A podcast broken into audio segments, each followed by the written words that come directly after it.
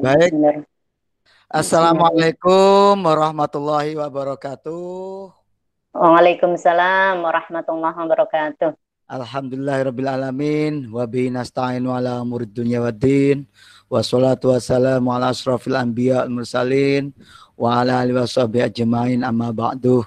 Alhamdulillah di malam songo ini bersama beliau yang luar biasa ya dan sekaligus sebagai penutup acara ngabuburit kita Ramadan 1441 Hijriah. Kali ini bersama saya Bunda selaku yang akan mendamping jenengan hari ini sampai subuh kata teman-teman ini. Sampai subuh. Nggih. Terus terus ketua RT Bojonegoro pokoknya Iya. sampai selesai subuh, Bro. gitu. Sekalian ngantarkan para pengantin yang lagi akad nikah sore hari ini, Bunda. Ah, iya. Akad nikahnya udah kemarin. Nggih, nggih, nggih. Nggih. Alhamdulillahirrahmanirrahim di malam 29 ini semoga puasa kita sampai detik ini diterima oleh Allah Subhanahu wa taala. Amin. Ibadah-ibadah kita yang lainnya juga semoga sampai ke Allah Subhanahu wa taala dan Amin. diterima oleh Allah Subhanahu wa taala. Amin. Amin. Amin. Baik Bunda, sebelum kita memulai materi kita, saudara ini yang luar biasa tentang bagaimana meneguhkan keimanan di tengah pandemi COVID-19 ini ya. Oleh Oke. beliau ibunda kita yang sudah kita kenal bersama yang dinanti-nantikan channel YouTube-nya oleh para jamaah online-nya. Beliau adalah ibunda kita Dr. Imro'atul Aziza dalam rangka acara ngabuburit relawan TIK Bojonegoro hari ini Jumat 29 Ramadan 1441 Hijriah ya. Dan mengucapkan selamat menempuh hidup baru bagi para jamaah yang sudah akad kemarin ya. Malam songolekurnya dan yang hari ini mengikuti jamaah ini masih jomblo kita doakan semoga segera menyusul yang sudah akad nikah kemarin. Baik Bunda, mari kita berdoa bersama agar niat baik kita ini dan semua niat baik- na- niat baik kita selama Ramadan ini diijabah oleh Allah SWT dan terakhir pandemi COVID-19 ini segera berakhir dari negeri kita ini.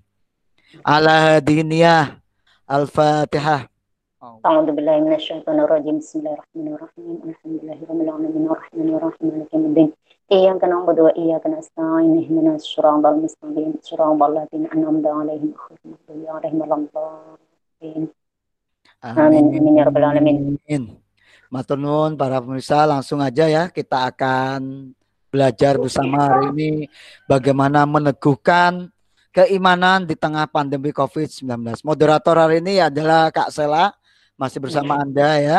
Nanti bagi yang mau bertanya seperti biasanya ya, siapa pun pertanyaan terbaiknya kemudian unmute mic Anda atau yang masih malu-malu bisa chat di kolom chat. Ini udah banyak Bunda ngantri pertanyaan Oke. banyak eh, sekali di saya Oke. ini. Oke, baik langsung aja saya akan nyerahkan sepenuhnya layar kepada Bunda ya.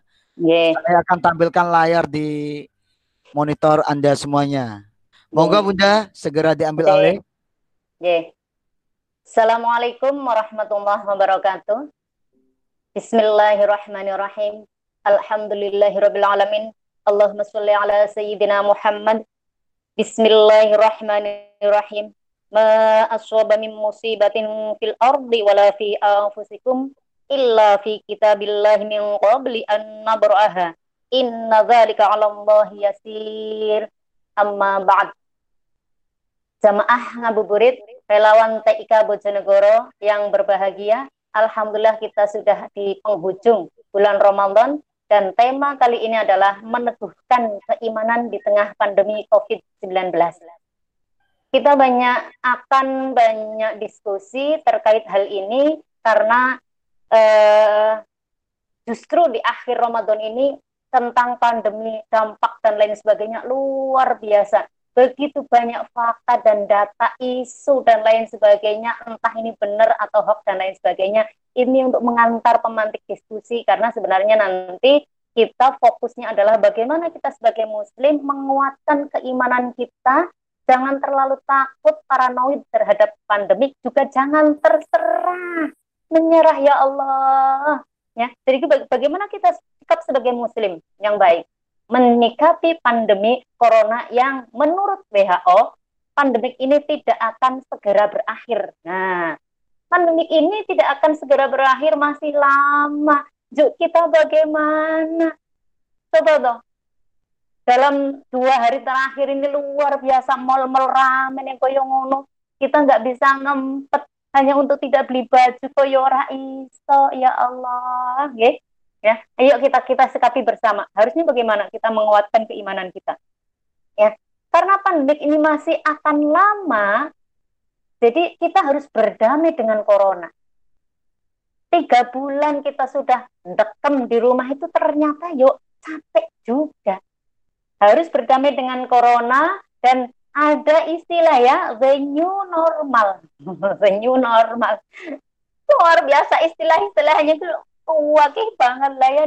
Uh, kita nggak kepo, kita ketinggalan zaman bergawe nih. Ya, new normal itu apa sih? Kelaziman baru, kebiasaan baru perilakunya normal saja kita kerja silahkan kerja kita kita macam-macam uh, silahkan saja beraktivitas biasa dengan cara dan gaya hidup baru yang tidak lagi paranoid yang takut berlebihan pada corona tapi kita harus bisa memperhatikan ya kerja biasa silahkan kerja biasa mau ke mana-mana biasa bahwa ini memang ada pandemi, maka kita harus memperhatikan protokol kesehatan harus seperti apa. Jadi memakai memakai masker, kemudian membiasakan cuci tangan, menjaga kebersihan dan lain sebagainya, itu dijadikan kebiasaan baru. Dijadikan kebiasaan baru dilakukan secara sungguh-sungguh oleh semua orang. Ya, peraturannya pemerintah itu anjurannya tolong diugemi bersama-sama. Jangan sampai ribut-ribut rakaruan. Nah, dengan protokol yang baru menjadi kebiasaan baru ini, kemudian kita harus bisa keluar dari zona nyaman kita. Dulu kan nggak mungkin Bu In bisa ngaji begini kalau nggak ada berkahnya corona toh. nah, dari itu enak ketemu mahasiswa marah iso melampiaskan emosi, menjelaskan rapah misuk, ih begitu-begitu. Sekarang nggak bisa. Kemudian yang bisa biasa jalan-jalan, cari apa-apa keluar, sekarang harus terbatas. Ya, ibu-ibu membiasakan masak, eh masak, nanem sayur sendiri supaya opo-opo tergantung pasar dan lain sebagainya. Ya, itu the new normal itu seperti itu. Kelaziman baru, cara hidup baru dengan kita keluar dari zona nyaman. Nah, nah kemudian jika tertular bagaimana? Ada istilahnya lagi, head immunity. Ketahanan kawanan dan tumbarai. Karena tadi sudah the new normal, maka ya head immunity yang akan berjalan. Sing, tahan. Ya, bisa menangkal virus maka akan sehat. Nanti kalau kena lagi cepat sembuh seperti kena virus biasa. Tapi sing orang kuat ya berarti meninggal gitu aja. Jadi itu macam-macam ya uh, seleksi alam sehingga kemudian ada berbagai isu dan kegelisahan ya ini untuk mengantarkan supaya kita enggak nanti bagaimana cara kita meneguhkan keimanan sekarang sudah keluar agar Indonesia terserah ya Allah langsung banget kita ya seminggu ini disugi dengan video-video seperti itu jadi kalau masyarakat nggak bisa diatur mal-mal penuh ini kan yang ramai begitu mal penuh bandara kebak surat surat sehat, surat berbagai dokumen kemudian dipalsukan. Mis terserah kan begitu. Akhirnya kemudian para medis-medis, dokter juga, ya sudah, kalau Anda terserah, saya juga terserah. Kalau selama ini kami kerja demi nyawa orang lain, sekarang dah terserah saja. Oke, monggo panjenengan lihat semua itu. Seperti apa kemudian medis dan para medis akhirnya ya, kalau Anda terserah, saya juga terserah. Saya juga berhak dong, saya juga wajib melindungi saya, anak-anak dan keluarga saya dari COVID ini. Nah, panjenengan-panjenengan masyarakat dengan santainya biayaan tidak bisa diatur sampai unyel-unyelan. Ini kan pasar rame karena di antaranya ada bantuan tanggap darurat dari Kemensos itu toh 600 ribu. bukannya untuk menangani COVID untuk uh, apa beli beras dan lain sebagainya malah bahkan yang dapat bantuan beras juga berasnya dijual untuk ganti beli baju. Nah ini Indonesia terasa ya harus kita lawan jangan sampai kemudian kalau mereka para medis uh, kemudian terserah yang rugi kita kan kita nggak mau kan ya Nah, kemudian kemarin juga ada lagi kemudian dikompor-kompori. Pemerintah tidak lagi mengumumkan penderita, itu juga ternyata hoax. Itu artinya apa? Berarti ya Allah Gusti, ya jangan begitu ya. Jadi kita kita kita mantapkan, sadari bersama ini musibah sekaligus ujian, musibah karena hmm, apa ya?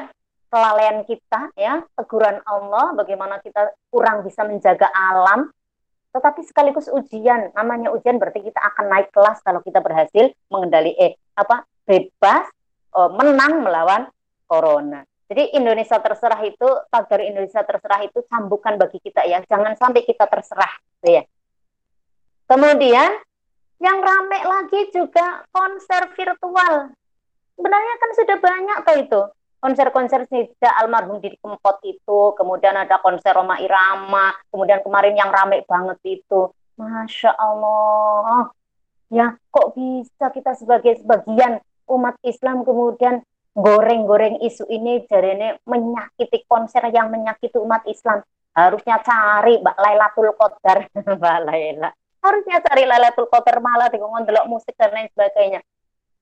Ya, itu pada dipahami kita bersama-sama bahu membahu menghadapi corona ini dengan cerdas, cerdas, dengan akal sehat. Ini anu kak, kak relawan, kak Sela nggak mau ditampilkan ta? Nggak mau ditampilkan slide-nya toh? Di bisa gawe ke apik banget sih. Monggo ya kalau mau ditampilkan slide-nya. Ya, konser virtual itu kemudian digoreng sedemikian rupa padahal biasa itu cari donasi bagi yang nggak mau lihat juga nggak apa-apa bagi yang nggak nyumbang juga nggak apa-apa tujuannya juga untuk menggalang donasi membantu para eh, apa ini yang terdampak corona. Jadi kalau menyikapinya sudah dengan kebencian hilang akal sehat padahal akal sehatlah yang akan menyelamatkan Indonesia Kemudian isu lagi, sholat id dilarang, masjid ditutup, mal bandara kok dibuka. Nah, itu juga kemudian uh, harus didudukkan persoalannya ya. Ini kebetulan tadi sudah ada yang bocoran tanya kak, kak Sela ya. Jadi sekalian aja dijawab. Semoga uh, beliau yang tanya mendengarkan. Kenapa masjid ditutup? Ini persoalannya yang dilarang itu adalah kumpul-kumpulnya, berkerumunnya. Ya. Nah, di masjid itu sholat jamaah, sholat Jumat, kemudian sholat tarawih dan lain sebagainya, gitu ya. Itu juga, itu masalahnya kan sudah apa ya? Uh, itu ada hukumnya yang sunnah muakat ya, misalnya sunnah, kemudian tarawih dan lain sebagainya. Kemudian ada yang uh, Jumatan itu wajib kan, fardu ain bagi laki-laki muslim. Nah, kalau ini tidak diatur, itu kan berarti nggak ada fatwa hukum untuk menjadikan uh, pegangan kan? Maka bagainya al-baru eh al-baru uh, darul mafasid muqaddamun oleh jalbil masyalih. Menolak kemafsadatan kerusakan harus diutamakan, diambil kebijakan itu daripada mendapatkan maslahah. Maslahahnya Pak, siar Islam, kemudian terlaksananya sholat e, jamaah secara tertib di masjid. Tetapi ada ancaman bahaya yang menyebabkan kemudian ada udur syar'i. Hmm, bahwa jamaah sholat Jumat, taraweh, sholat id itu ada alternatif. Bisa dikerjakan di rumah. Sementara mall, bandara dan lain sebagainya itu di samping hal yang mubah, ya hal mubah. Berarti tergantung kecerdasan masyarakat mencikapi ini juga tidak ada alternatif. Memangnya badai wangsul, badai kondur, nganggo pesawat, apa lewat nanti kalau nggak pakai bandara?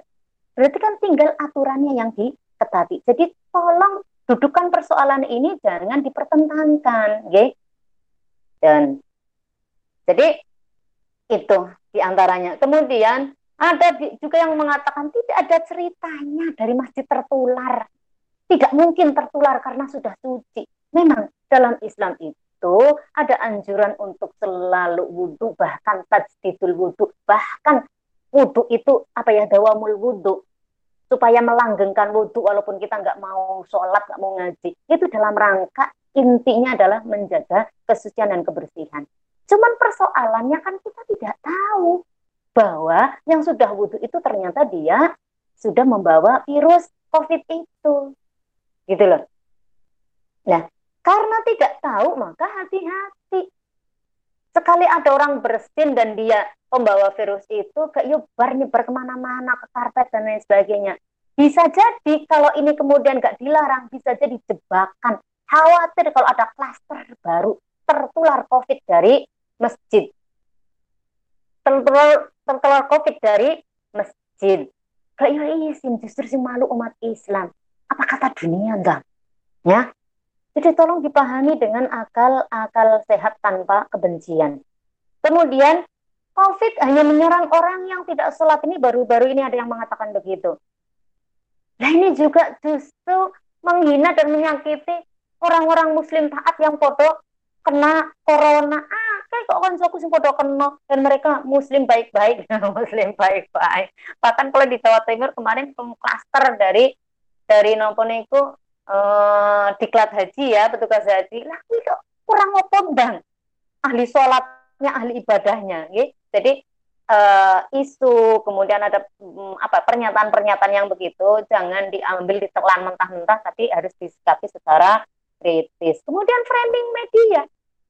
Kemarin baru ada perawat dan bayinya yang dikandung ikut meninggal. Padahal peraturan dari Kemenkes jelas bahwa yang lagi hamil tidak boleh menjadi eh tidak boleh me, apa menangani pasien COVID. Bahkan kalau yang bersangkutan e, meminta untuk jadi relawan pun nggak boleh. Jadi kan harusnya dicetok no, dicetok no, dijelas nah. Dia itu meninggal karena apa gitu loh. Kita juga bukannya kita kemudian bahagia dengan penderitaan orang lain ya enggak, tapi kudu sing jelas seperti apa. Kemudian rame banget bantuan-bantuan yang salah sasaran disunat dan lain sebagainya bayang no. E, dengan pandemi covid aja sudah luar biasa sudah luar biasa no. Itu panik membuat panik. Kemudian ada isu-isu ada hoax-hoax yang tambah membuat kacau bagaimana?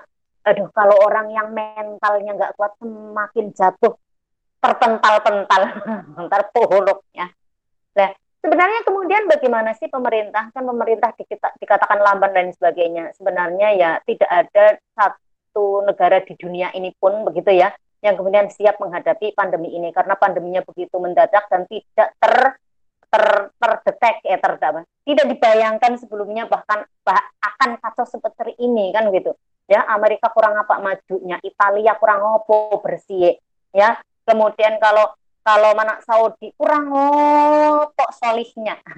Ada haromain di situ. Dan ternyata kok dari berita itu jedah Mekah dan Madinah itu tertinggi kasus COVID-nya di Saudi. Jadi ini jelas-jelas musibah sekaligus ujian bagi kita semua. Jadi misalnya strategi pemerintah ya supaya uh, kita itu satu satu pikiran satu apa gitu cara pandang ya. Udah nyalah-nyalah kayak pemerintah banget lah ya. Nyatanya kita harus bagaimana. Jadi dari sektor kesehatan misalnya sudah ber, berbagai macam upaya. Ada pemberlakuan PSBB supaya masyarakat merasa aman gitu loh ya. Nah tetapi kalau kemudian tidak sama-sama patuh dan disiplin dengan ini gak ya bar ya. Kene-kene sing taat sudah tiga bulan di rumah saja sekali keluar bonyok karena ada orang yang tidak taat. Jadi kira-kira kalau dulu itu sejak awal Maret kemudian kita sudah disiplin 14 hari di rumah, mungkin ya tidak selama ini. Nah karena tidak patuh bang, oh no sing pencilaan kelayaban tidak penting. nah kemudian kalau yang melanggar PSBB itu mung aku sing orang dua apa pengaruh kemudian orang dua pengikut urusannya urusan aku aja dengan aparat tapi kalau yang melanggar kemudian orang berpengaruh kemudian pengikutnya ikut marah itu hadir konflik horizontal Ya, jadi siapa pun panjenengan, ayo bahu membahu semaksimal mungkin, sekuat dan sesuai dengan kapasitas, kapasitas kita masing-masing. Oh enak di rumah saja kalau nggak penting. Setuju, setuju Bunda. Iya, itu mana slide-nya kok nggak ditampilkan? Slide sudah tampil, sudah tampil eh, Bunda. Sudah tampil. Sudah tampil. Oke, okay, monggo lanjut mau. Kemudian uh, penerapan protokol kesehatan ya. Protokol kesehatan dasar ini monggo kita sedoyo ya. Jaga itu, jaga jarak.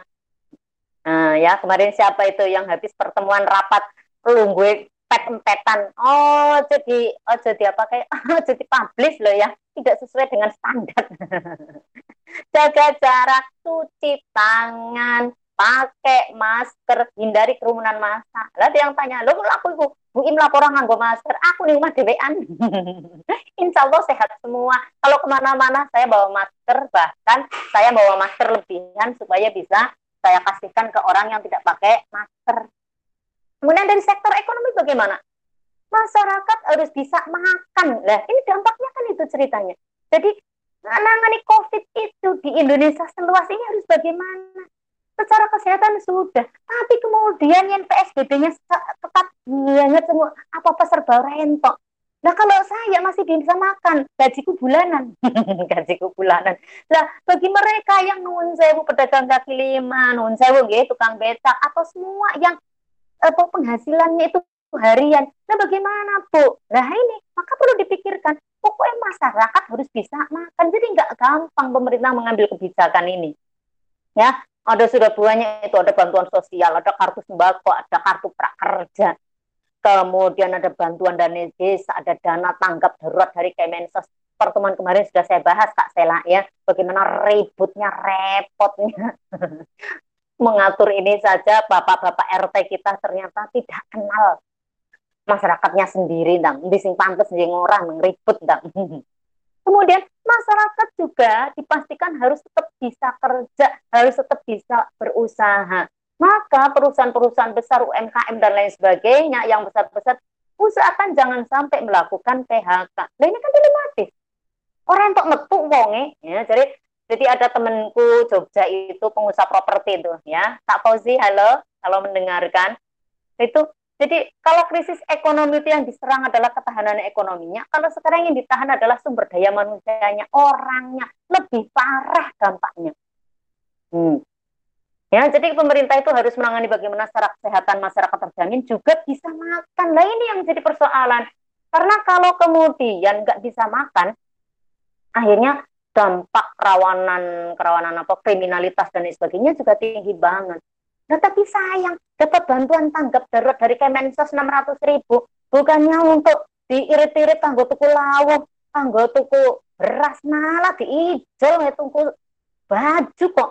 Sendal sepatu lah haula wala quwata illa billahil aliyil azim. Nih jadi butuh kesadaran bersama. Kemudian dari sektor sosial budaya larangan mudik ya. Larangan mudik itu untuk memutus mata rantai penularan COVID-19 ya Kemis yang lalu saya jemput anak karena protokolnya lengkap, protokolnya lengkap.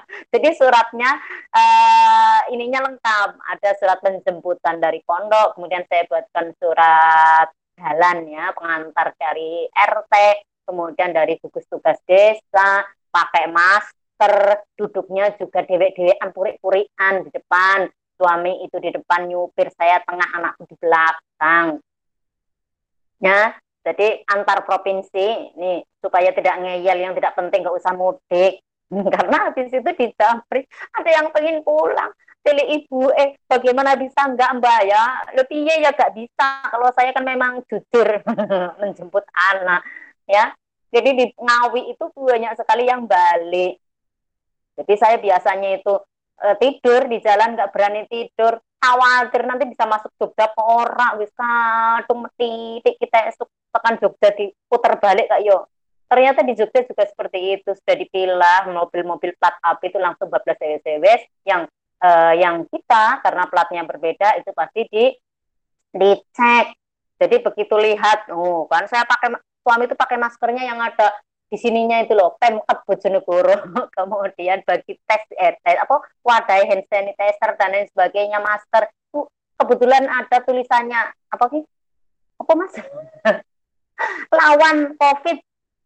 Apa pakai anu eh pakai anu eh pakai stempelnya pemprov jatim. Jadi langsung oh petugas ya pak. Ya silahkan. Alhamdulillah ya. Banyak sekali yang balik. Nah bayanglah petugas, bayangkan coba, petugas itu udah capek banget kayak gitu, menelengi bis, ngaturi wong dan lain sebagainya. Maka ketika kemudian ada kejadian, ada orang yang melanggar PSBB dan kemudian mungkin emosinya tidak terkendali, ya tolonglah dipahami bersama. Netizen-netizen yang berkomentar juga harus adil. Oh jadi setelah kayak petugas saya peka. Petugas itu capek, saya juga nggak bisa bayang no. Kok sito, sito diperiksa itu kan capek sekali tuh. Ya, jadi petugas yang di kepolisian TNI, DLLAJ itu capeknya kayak gitu, endah neo.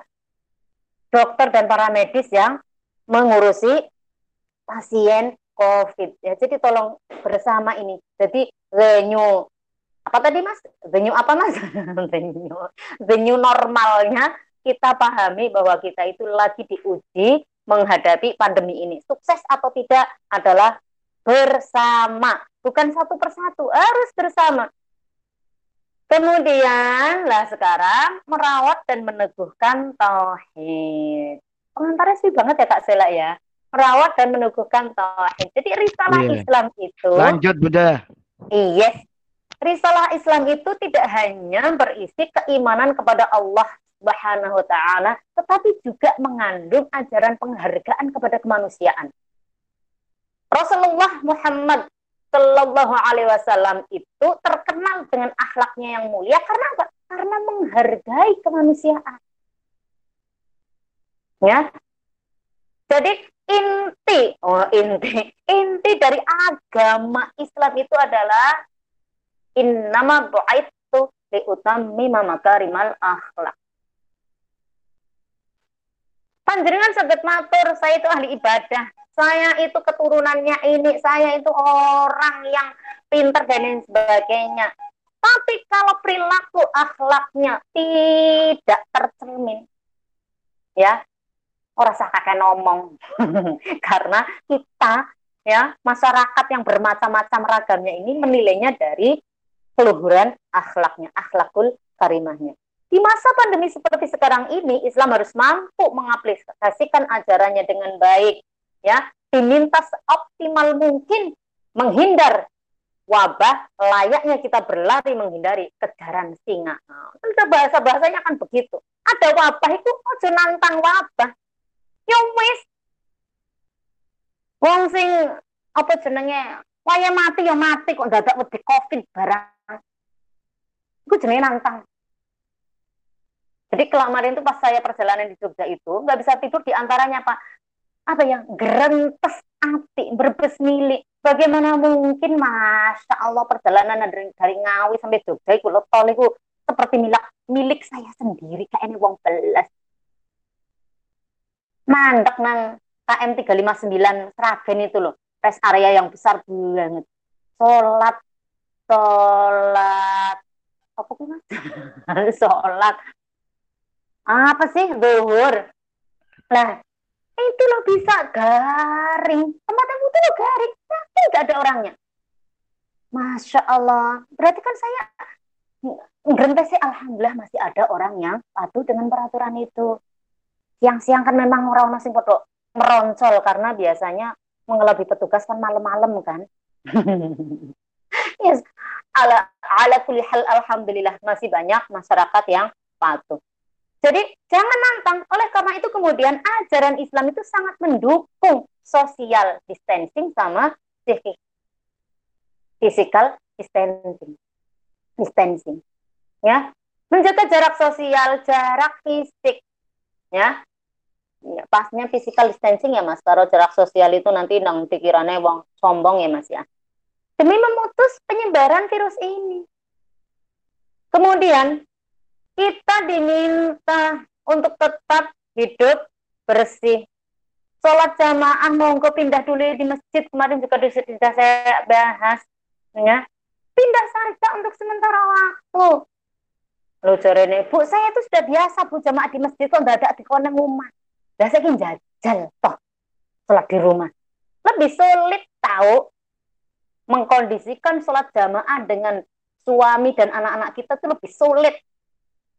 Kalau di masjid kan dengar azan kita lari ke sana, telat-telate ikomah kita lari-lari kan gitu. Nah kalau di rumah, ya, ono sing bojone si benak kayak bersihi motor, istrinya masih masak, ngepel nyapu, anak-anaknya masih tiduran mungkin, itu lebih sulit. Jadi ayo coba kesolehan ritual kita pindahkan. Kesalahan ritual kita itu pindahkan dipadukan dengan kesolehan sosial. Ya. Jadi kita kemudian juga harus saling membantu sesama karena dampak pandemi ini. Berempati kepada sesama sesuai dengan kapasitas dan kemampuan. Sekali lagi, sesuai dengan kapasitas dan kemampuan kita. Kalau Bu Im mah apalah artinya Bu Im? Kalau saya melanggar PSBB, kemudian ribut dengan polisi, mungkin ya viralku itu hanya, eh kok kurang ajar PNS kok orang ngasih contoh. Mungkin hanya begitu. Saya tidak bisa, tidak akan mungkin mengerahkan apa jenenge memprovokasi pendukung-pendukung kurang di pendukung Gusela. Nah, tapi kalau orang yang berpengaruh kok dadak kemudian dilalah begitu ya. Saya itu husnuzon mungkin anu apa jenenge iki kesusu apa kepiye begitu ya. Nah, akhirnya kan di persepsi lain. Jadi ketauhidan sosial kita ya, ketauhidan tauhid bahwa Allah itu menciptakan kita sebagai manusia itu sebagai khalifatullah fil ard yang harus memakmurkan bumi itu sedang diuji apakah kita mampu memancarkan dan mengedepankan sisi kemanusiaan dari agama kita? Atau kita ego mengejar neraka surganya, eh neraka surganya, mengejar surganya Allah? Implikasi orang yang bertahid adalah selalu berupaya menjadi khairun nasi al-fa'uhum linnas. Ya, sebaik-baik manusia adalah orang yang paling bermanfaat untuk dirinya sendiri dan masyarakat yang lain. Hmm? Lagi diuji. Sesepele apa pun kedudukan kita, semiskin apa pun kita, ayolah kita bisa bermanfaat untuk orang lain. Mari kita kembali merenungkan risalah tauhid ini yang diimban oleh Rasulullah, bukan hanya tauhid yang hanya mengandalkan hubungan baik kepada Allah tetap lewat ibadah yang ritual, melainkan juga berdimensi horizontal sosial kemasyarakatan. Ya, kembali lagi. Jadi kita kita bukannya kan ada yang bilang takut itu pada Allah lah takut pada corona? Lebih iya sih? Ya? Bukan takut pada corona Mbak Yu Mas Mas ya? Tetapi nyata corona itu tidak sesederhana flu biasa sehingga kita harus menghindari. Tujuannya apa kita tetap di rumah? Ya? Di samping kita menjaga diri kita juga menjaga orang lain supaya tidak tertular. Ya, coba di slide berikutnya itu tak gambar kayak nggak ini angel kak Sela. Setengah jam ora cukup boleh gambar sing pas. Kemaslahatan semesta sebagai mandat keimanan. Kemarin juga di ketahanan eh, keluarga maslahat juga sudah tak sebutkan yang ini. Cuman di slide akhir ya. Nggak nggak terekspos ya. Di atas sendiri ada Allah Allah Allah gitu ya Kemudian sebagai hamba manusia itu adedun, gambarnya ke atas itu, ya sebagai hamba Allah itu kita dipilih sebagai khalifatullah fil ard, memakmurkan bumi. Atas dasar ini kalau tadi Mbak dari kedewan Mbak tapi tanya, saya ini masalahnya Bu, kita itu apa ya merasa berdosa. Adanya musibah ini itu karena apa ya kelalaian kita malu sama Allah harus bagaimana? Alhamdulillah kalau ada orang yang merasa seperti itu. Jadi biasanya musibah itu kan karena kelelehan sebagai teguran atas kelalaian kita menjaga alam. Ya. Dan nyatanya ini karena COVID-19 ini kemarin ada ditayangkan bagaimana kemudian langit kembali biru, kemudian pemanasan global itu lumayan terobati, begitu kan? Karena apa radiasi-radiasi dari loh, segala hal yang bisa merusak alam itu kemudian terkurangi karena uh, banyak sekali pabrik-pabrik yang tutup dan lain sebagainya. Ya, jadi harus kita pahami secara tauhid kita itu sebagai khalifatullah fil ard. Khalifatullah fil ard itu pemimpin pemakmur bumi. Maka segala hal yang bisa merusak alam ini dan makhluk Allah yang ada di bumi ini, maka berarti kita tugas kita sebagai khalifatullah fil ard enggak beres. Kemudian yang di bagian kedua Allah ya, tauhid. Keimanan kepada Allah harus bagaimana, harus kuat. Kemudian ke bawahnya gimana kepada sama makhluk? Harus menciptakan kemaslahatan. Ya, kemaslahatan itu jalbun naf'i wa daf'ud. Ya, masalah itu. Menarik kebaikan, kemanfaatan sekaligus menolak kerusakan. Kemudian di gambar eh gambar di baris ketiga di kolom ketiga itu Allah di atas, kemudian gambarnya itu slide itu iman. Ya, keimanan kepada Allah harus terwujud ke bawahnya berupa kebaikan kepada alam semesta, kepada makhluk manusia dan alam semesta. Itu konsepnya seperti itu. Jadi tauhid secara vertikal ke Allah dengan uh, kesolehan ritualnya dengan melaksanakan segala perintah dan ibadah-ibadahnya yang ke bawah berupa kebajikan harus soleh secara secara sosial ya. Jadi kesolehan sosial eh kesolehan ritual versus kesolehan sosial. Contoh saja misalnya di sholat sholat itu tujuannya apa sih inna sholat tanha anil fahsyai wal mungkar pertanyaannya kalau ada orang sholatnya rajin tapi mari terawih ngentit sandale wong liya.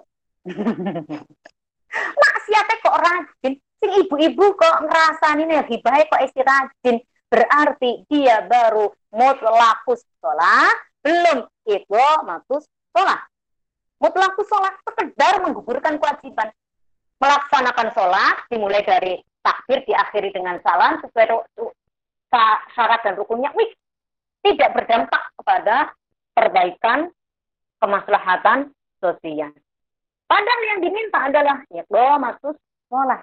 Mendirikan sholat.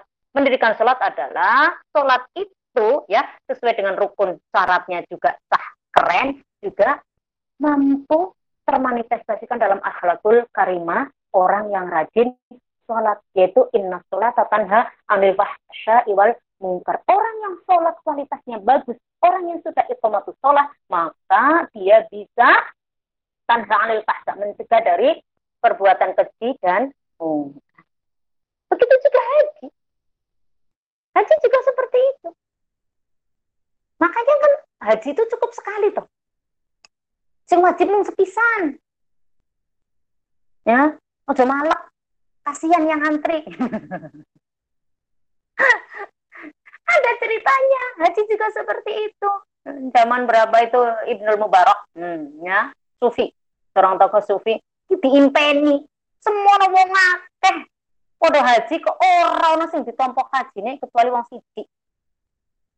Kalau nggak keliru namanya Ibnu Mukofa ya. Jadi dia itu, saya lupa dia persiapan deh. Dia itu saking pengen haji, wis mabung bertahun-tahun wayahe mau haji ternyata tonggone ono sing butuh bantuan. Lah ini orang mentolo kemudian ya Allah yuk yuk. Eh sakjane aku ki lho wis nabung bertahun-tahun pengen haji lho lho kok sampean dibeli butuh? Nih niat haji is sanggup bantu jenengan. Ya justru ini sing ditompok ya ini contoh-contoh bagaimana kesolehan ritual itu juga harus sesuai ya apa sesuai dengan kesolehan sosialnya. Nah, panjenengan merasa imannya kuat, agamanya bagus, ya, ahli agama dan lain sebagainya. Tapi kalau di masa pandemi ini, perilaku, tindakan, ucapan, komentar di medsos, panjenengan kok nggak cocok dengan uh, status panjenengan, dengan keulamaan panjenengan, dengan jabatan panjenengan, berarti ya cocok belum tauhid sosialnya kemanusiaannya belum ada. Kemudian tadi dengan berbagai persoalan itu uh, persoalan pandemi itu ini tadi kan sudah meluluh lantakan kehidupan sebagai gambaran saya itu kalau ke Jogja itu ya orang-orang yang opo-opo sing penting entuk bakpia bakpia nih gue aneh sing dilewati tok sing tak lewati biasa nih ki bakpia sesuatu yang deketnya pabrik susu muja muju gitu Nah, kok dilala kok ya tutup kabeh tutup. Seru sampai Godong Kuning sampai Jalan Solo tutup semua pusat-pusat jajanan gitu loh. Sing biasa pariwisata foto mandek. Tutup kabeh gak yo tambah lu kok tambah dretes kabeh mbahne yo. Masya Allah berapa juta masyarakat yang terdampak secara ekonomi. Sehingga terjadi kepanikan massa. Ibu Sina sudah mengingatkan, kepanikan adalah separuh penyakit. Ketenangan separuh obat dan kesabaran adalah awal kesembuhan. Ada contoh kemarin itu ya denger-denger ya, denger-denger, tapi beritanya benar. Dia itu kemudian kan ceritanya uh, apa? Positif ya, positif kena COVID. Saking paniknya dia stres berat. Akhirnya ya nggak nggak bertahan. Diumumkan misalnya hari ini besoknya sudah meninggal ya. Jadi nggak usah nggak usah terlalu panik dan ini tanya banyak sekali yang panik. Teman-temanku ibu-ibu juga diajak rapat gak gelem. Saking takutnya sama mbak corona. Ya nggak begitu ya. Takutnya harus proporsional proporsional ya. Yakin bahwa ini sesuatu semuanya tadi maaf sobat musibatin tadi ya. Tidak ada satu musibah pun ya yang di, ada di bumi dan pada dirimu itu kecuali semuanya sudah tertulis di lauh mahfuz semuanya atas kehendak Allah Subhanahu wa taala caranya gimana kuatkan iman kita banyak berpikir yakin bahwa Allah akan apa ya mengangkat ya membuang jauh-jauh penyakit ini. Rasulullah juga mengajarkan kita bagaimana cara menghadapi wabah. Ya, Rasulullah mengajarkan ada wabah, ya berarti nggak usah memasuki atau keluar dari daerah yang ada wabahnya. Jadi ada zona, ada zona apa sih Kang? Merah, kuning, hijau. ketika ada uh, pengurus ormas tanya lah ini gimana ini standarnya abang kuning hijau dijawab sama Gus oh saya sendiri tidak punya uh, apa indikator warna ya jadi kalau ada begitu begitu masyarakat oh itu bingung. Oh apa trial and error keputusannya? Lah piye? Nih nggak ada negara di dunia ini yang kemudian semuanya matoh siap menghadapi pandemi ini kok ya. Sampai sing waras ojo tambah memprovokasi. Ya menjaga diri dengan cara menghindari wabah, menjaga pola hidup tadi, dan yang terutama adalah menjaga stabilitas psikologi kita. Ya, istiqomah hidup bersih. Ya, tadi sudah protokol kesehatan seperti apa istiqomah. Jadi kalau selama ini kita wudhu itu hanya apa ya kehilangan makna mungkin hanya ritual biasa kebiasaan biasa. Sekarang diniatkan ya Allah semoga tidak hanya bersih tapi suci lahir batin dan terbebas dari penyakit. Mau niatnya tambahi. Jadi segala yang kita lakukan itu lebih bermakna, menurut ya. Selalu optimis dengan situasi dan tidak panik. Menjaga diri agar terhindar dari penularan virus itu di, di apa ya? Diperintah oleh Al-Qur'an. Dalam surat Al-Baqarah ayat 195, "Wala tulqu bi luka. Janganlah kamu menjatuhkan dirimu sendiri dalam kebinasaan. Ya, Menjaga diri dari kebinasaan dapat diartikan sebagai kepatuhan kita dalam mengikuti dan menaati anjuran kebaikan dari berbagai pihak. Anjuran kebaikan, terutama anjuran dari yang mempunyai otoritas, seperti pemerintah dan pihak-pihak yang berkompeten lainnya. Ini khusus sudah ada edaran ya dari bupati ya, bagaimana menyikapi hmm, apa ini Idul Fitri ya di situ itu kemudian di zona apalagi yang merah tidak usah sholat id di lapangan terbuka atau di masjid, cukup di rumah. Kemudian menerima tamu juga harus dengan protokol kesehatan. Akhirnya Bu Im bingung bagi mahasiswaku yang biasa sowan-sowan ke sini setelah lebaran ya Bu Im tidak menerima tamu ah daripada bingung. Orang bisa cipikat-cipik orang bisa salaman di sampean ya. Ya cukup lewat WA ya minal aidin wal faizin. Maaf lahir batinnya nah jadi sebagai orang beriman supaya tidak paranoid takut kebablasan kuatkan dengan apa? Dengan zikir. Ya, zikir selalu mengingat Allah, semuanya pasrahkan ke Allah. Pandemi ini COVID-19 ini itu makhluknya Gusti Allah, maka yang paling yang paling yang paling mantap oleh berdoa ikhtiar sudah tadi ya ikhtiar sudah. Oh cuma doa toh tapi ikhtiar ya ikhtiar. Ya boleh keluar karena penting banget dan jaga sesuai dengan protokol kesehatan kemudian kuatkan dengan hmm, dan terakhir doa.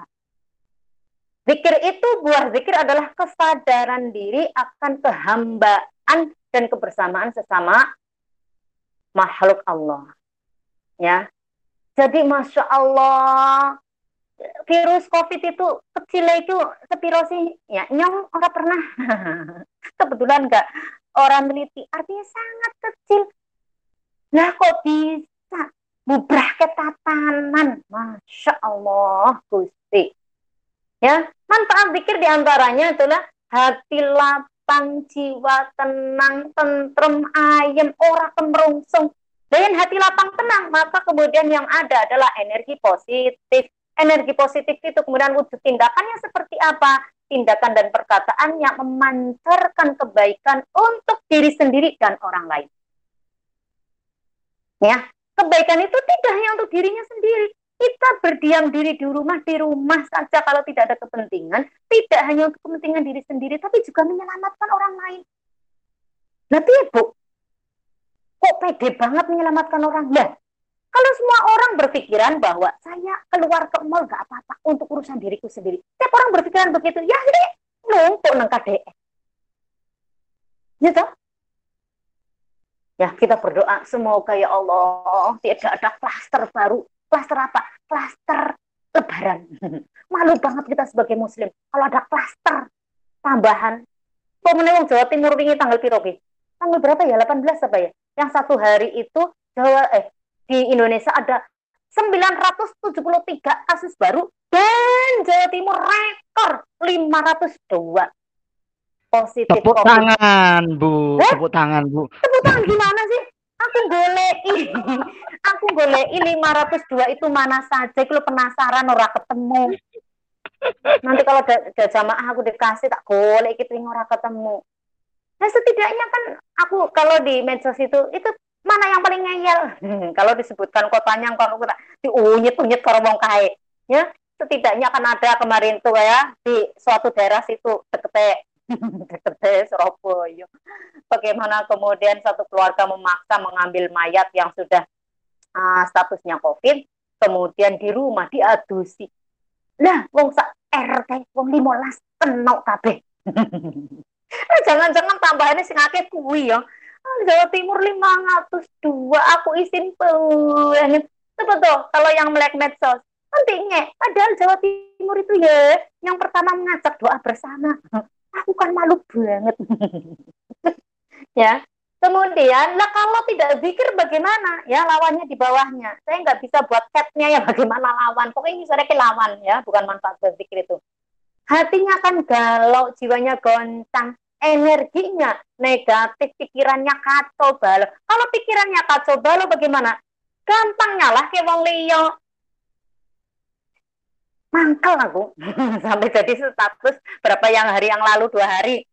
Ya masa apa bentino iki? Wong japri utang. Wong japri utang. Ya lagi wong liya. Dia itu ngerti lagi pandemi ini kok dadak ngerenov rumah. Ais ngerti pekerjaannya nggak jelas renov rumah. Itu bocah. Bener itu Nah ketika nggak bisa bayar itu kan ini jadi untuk boleh keutangan itu kurang ajar. ya, tapi kalau kalau pikiran nggak sehat itu kayak gitu Kak Sela. Keluarganya, nah ya keluarganya jadi nih jantan nih Ah, semoga kita nggak begitu ya Kak Sela, sehat, energinya Yeah, positif. amin. Yes, ya. Menyalahkan orang lain, keluarga jadi sasaran, tindakan dan perilakunya salah terus sehingga nggak bisa dapatkan solusi, tambah masalah terus. Contohnya tadi, kayak menekan banget kok Kak. Sekarang itu kalau kemarin ya di tema ketahanan keluarga ya, jadi harusnya bagi yang belum punya tabungan, kemudian baru mikir kan pandemi corona masih lama tuh ya. Jadi sekarang dapat eh, dapat dapat bayaran, dapat THR, dapat apa-apa, sisihkan 30 sampai 40 persen. Harus disisihkan itu dari penghasilan panjenengan bagi yang belum punya tabungan sebelumnya. Kanggo jagan-jagan, ben ora ngedan, ben ora ngedan. Ya, tapi uh, apa pun keadaannya, kalau semuanya percaya keimanannya kuat, semuanya serahkan kepada Allah, sudah usaha, lahir batin, ikhtiar, tinggal kemudian tawakal. Tawakal itu setelah ikhtiar, pasrah kepada Allah itu setelah ikhtiar. Maka insya Allah kita semua menjadi mukmin-mukmin yang mukmin yang benar-benar kualitas keimanannya bagus. Lah kalau malas berpikir gimana? Yang malas berpikir dindo ya sama Al-Qur'an dalam Az-Zukhruf ayat 36. Wa may ya'shu an dzikrir rahmani nuqayyid lahu syaitanan fa huwa lahu qarin. Barang siapa berpaling dari pengajaran Allah, dari pengajaran Allah yang Maha Pengasih, maka dijadikan setan itu sebagai temannya. Nah, jadi dikontoni setan. Ya, Wong kita sing konco niki wong apik-apik Kak Sela, Pak Rektor, ya mahasiswa aku sing apik-apik.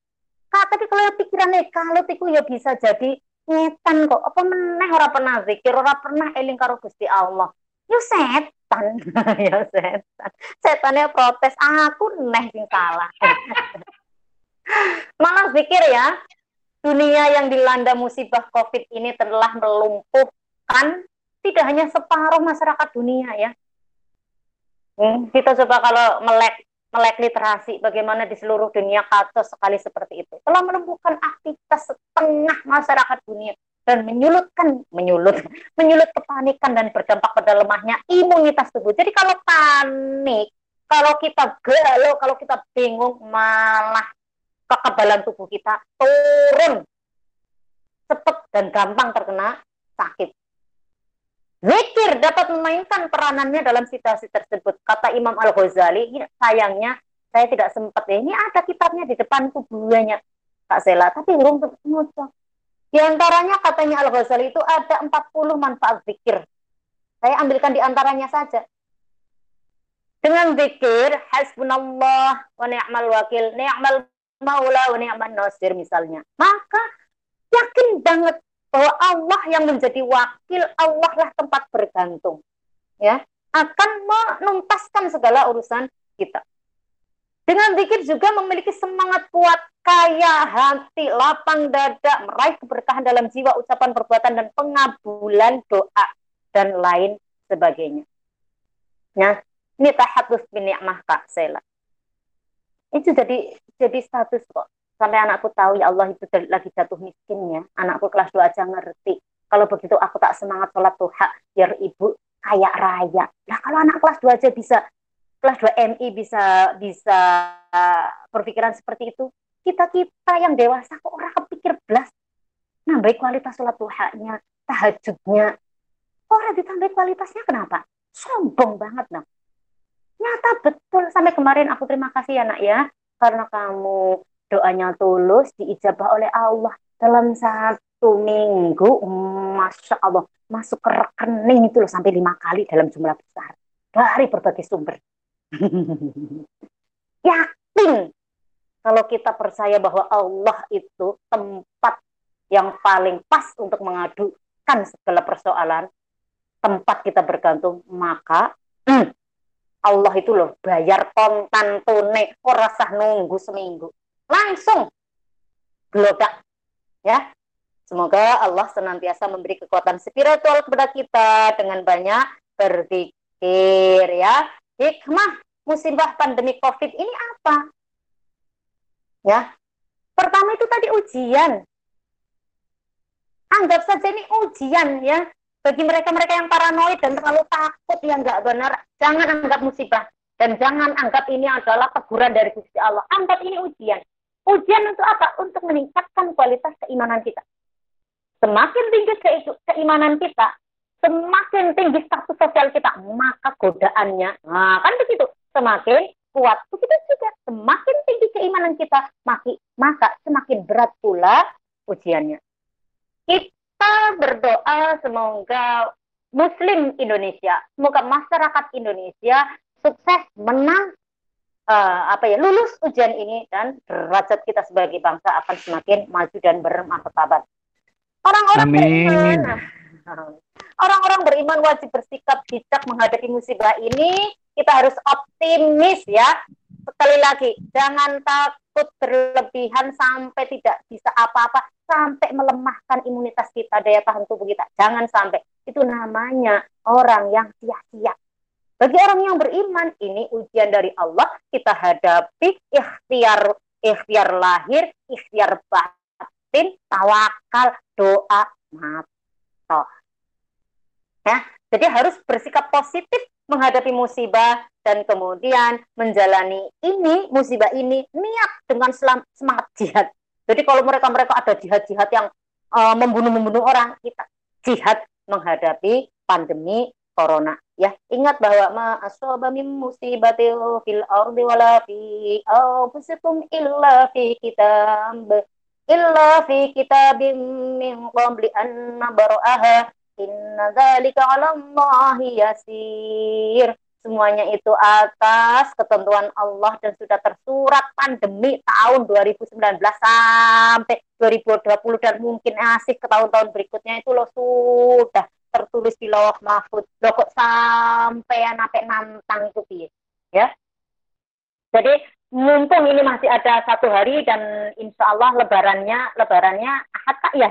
Jadi masih ada dua hari jadi kemarin-kemarin yang kualitas puasanya kurang sip ayo tingkatkan kualitas betul, betul. puasanya ya ayo tingkatkan kualitas puasanya karena apa hikmah puasa di, di pandemik ini yang pertama adalah keikhlasan dalam segenap perbuatan Puasa itu mengajarkan keikhlasan. Bagaimana Allah dalam hadis kudsi Allah dalam hadis kudsinya matur kullu amal ibni Adam lahu seluruh amal perbuatan manusia itu bagi dirinya sendiri illah saum kecuali saum kecuali puasa fa innahu li sesungguhnya puasa itu milikku Allah wa ana ajizi dan Allah sendiri yang akan membalas kebaikan pahala puasa itu.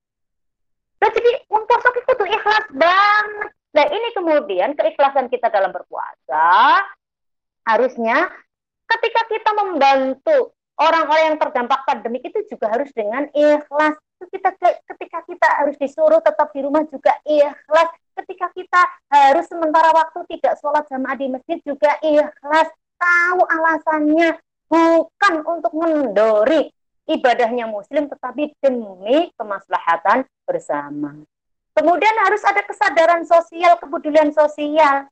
Kita itu manusia itu lemah, tidak bisa hidup sendiri. Begitu juga ketika ada penyakit kita tidak bisa menangkal sendiri. Kita nggak bisa disiplin eh, apa-apa uh, di rumah sendiri. Kalau orang lain tidak, yo podo wae, goro, ayo bersama-sama. Ya, kepedulian sosial, bagaimana kita bisa mengerti mereka-mereka yang orang miskin baru itu sampai ada berita-berita ya tukang becak nanti kayak Purwokerto sampai mati, bu mati niki mergo kelaparan poso apa karena nggak ada yang dimakan? Apa pun ya. Kalau kita nggak pernah merasakan uh, apa sih lemah lu mulainya kelaparan saat puasa maka kita tidak jiwa kita tidak akan punya kepekaan dan kepedulian sosial. Kemudian juga konsisten dalam beramalnya. Tindakan kita akhlakul karimahnya harus konsisten ya harus tetap istiqomah dalam kebaikan yakin bahwa semuanya ini karena Allah dan Allah akan segera mengangkat ini. Dan dari corona dan dari nopo ini apa jenis segala keter, keterbatasan kita. Biasanya kita tambah kreatif. Tambah kreatif kan kak? Oh, kalau dulu tuh piye carane? Gawe soal daring ujian ora iso. Lah saya kira aku bisa. Kemudian ternyata kok sulit banget cari kerja apa-apa nggak boleh uh, keluar. Ya berarti kalau bisa online pakai online. Online nggak bisa, cari yang lain. Kreatif. Tanaman di rumah itu yang dari bunga ganti. Ya, bawang pre, apa sayur-sayuran. Dan ora usah golek bakul ya dan perbanyak doa. Semua ini ya bisa terwujud dengan takwa dan tawakal. Takwa itu tadi melaksanakan segala perintah Allah, menjauhi segala larangan dan ada tambahannya kak ya dan mengikuti anjuran ulama dan pemerintah dengan tawakal kita berusaha semaksimal mungkin menghindari bahaya dan selanjutnya menyerahkan sepenuhnya kepada Allah jika takwa dan tawakal ini telah dilakukan secara tepat takwa dan tawakal dilakukan secara tepat ya tepat loh kak ya secara fisik juga udah usaha, ikhtiarnya sudah usaha, ikhtiar batin juga iya, maka akan melahirkan. Jadi besok itu uh, apa? Idul Fitri ya akan berbeda suasananya. Kita nggak akan longsor, tetap hati kita itu meriah, batin kita bahagia. Nah, ya, iya. Hikmah corona kak ya. Sekali lagi bagi yang masih ngeyel pengen pencilaan keluar ya. Kalau pencilaan. Pencilaan. Lah yo mau ngapain tuku buah mendadak metu nang mall dong. Buah gini tonggomu kono tuku gula nang tonggomu ora ketemu wong. Bosen teng griya menawi bunda. Bosen teng griya. Dia keterlaluan deh karena apa? Dia nggak kreatif ya nggak ngambil nih. Nih ya. Pertama hikmah corona karena WFH ya kerja di rumah. Pertama bisa melakukan hal-hal baik bersama keluarga. Panjenengan masalah anak yang umur piro mas? Nomor oh. 13 tahun. 13 tahun. Adiknya? Empat tahun. Ah, tiga belas dan empat tahun itu kan belum masih masih atau mbak sing gede kan belum bisa godani banget toh Nemen, Hal-hal yang ber... eh? Bisnis menggoda. Nemen. ya, itu non sewu. Kalau kita selama ini sibuk di rumah, eh di luar, ya kan enggak sempat memberikan bagaimana mengajarkan mengelola simpati, empati, ego masing-masing anak kan. Nah sekarang yeah, itu, yeah. nah ya sekarang itu ayo momennya. Dia anak kok dibangun pondok pak. Lah kan kapan kontribusinya mendidik anakmu? Leres bunda. Saya anakku umur 19, umur 18, kemudian yang satu umur 10, la haula wala quwata illa billahil azim. Yang umur 10 ini biasa di rumah sendiri. Tidak biasa mengelola emosi bagaimana dolanannya kemudian diribui masih mbak E. Bagaimana kemudian susunya itu dicicipi masih mbak E. Itu loh sulit. Kita nggak kena bingung nggak ada itu yang bisa mengajari. ya bisa melakukan hal-hal baik bersama ya berkebun bersama ya. Itu berarti apa? Kita yang orang tua harus kreatif inovatif. Dan kok anak orang bosan. Yang kedua belajar agama ngaji ibadah. Bagi bapak kepala rumah tangga yang belum bisa jadi imam. Ini persoalannya nggak bisa. Kenapa terawih masih ramai kan banyak sekali bapak yang nggak pede nggak bisa jadi imam apalagi sholat id. Dah neo mikir dadak mikir kapal bunda. Suratnya kapal. Ya tunggu terus salah. Ya. Belajar agama ngaji. Lah yo dengan anaknya tunjukkan bahwa kita juga punya kontribusi memberikan pendidikan pertama dan utama kepada anak-anak kita. Kemudian juga bisa kita yang ketika itu evaluasi muhasabah bersama selama ini kenapa ya aku nggak suka masuk kamarnya anak-anak? Misalnya anak-anak aku nggak akrab dengan aku bagaimana ya? Ayo dipitati jadi orang tua juga jangan sombong jangan egois menang sendiri. Jadi anak juga seperti itu. Lu serius? Anak-anak sekarang tuh anak-anak milenial ya? Tuku apa-apa lewatnya apa kayak mas OVO, GoPay gitu ya? Nah ya anak-anakku ya bayar. Kamu minta GoPay sini berapa? Seratus ribu bu bayar itu tadi bayar adminnya itu sewa ratus berarti seratus. Lima. Lo kayak gitu kakak? Lo kayaknya sepele ya jaringan gue ya. Serius ini mendidik anak-anak tahu hak masing-masing orang. Supaya tauhid kita kuat kepepet seperti apa pun kita nggak boleh mencuri atau mengambil hak orang lain. Ngono kakak?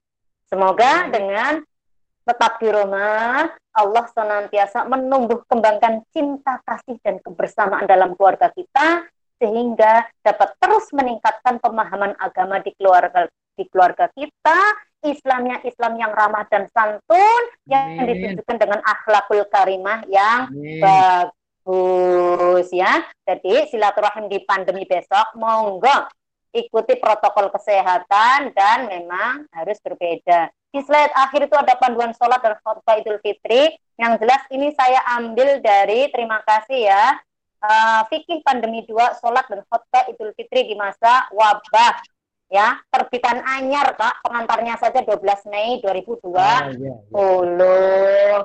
itu ya kakak sekali ya. lagi mohon maaf uh, mungkin ada kata-kata yang tidak berkenan tetapi itu menjadi apa ya pemantik diskusi kita bersama keprihatinan kita bersama ayo tingkatkan keimanan menghadapi pandemi jangan terlalu takut tetapi jangan nantang Ngoten ya kak, silahkan dilanjutkan diskusi kak. Eh, yang menarik foto terakhir bunda. Kok beda Apa? banget, beda banget dengan yang yang ngomong sekarang. Yang mana? Ada slide terakhir ada fotonya jenengan kayaknya.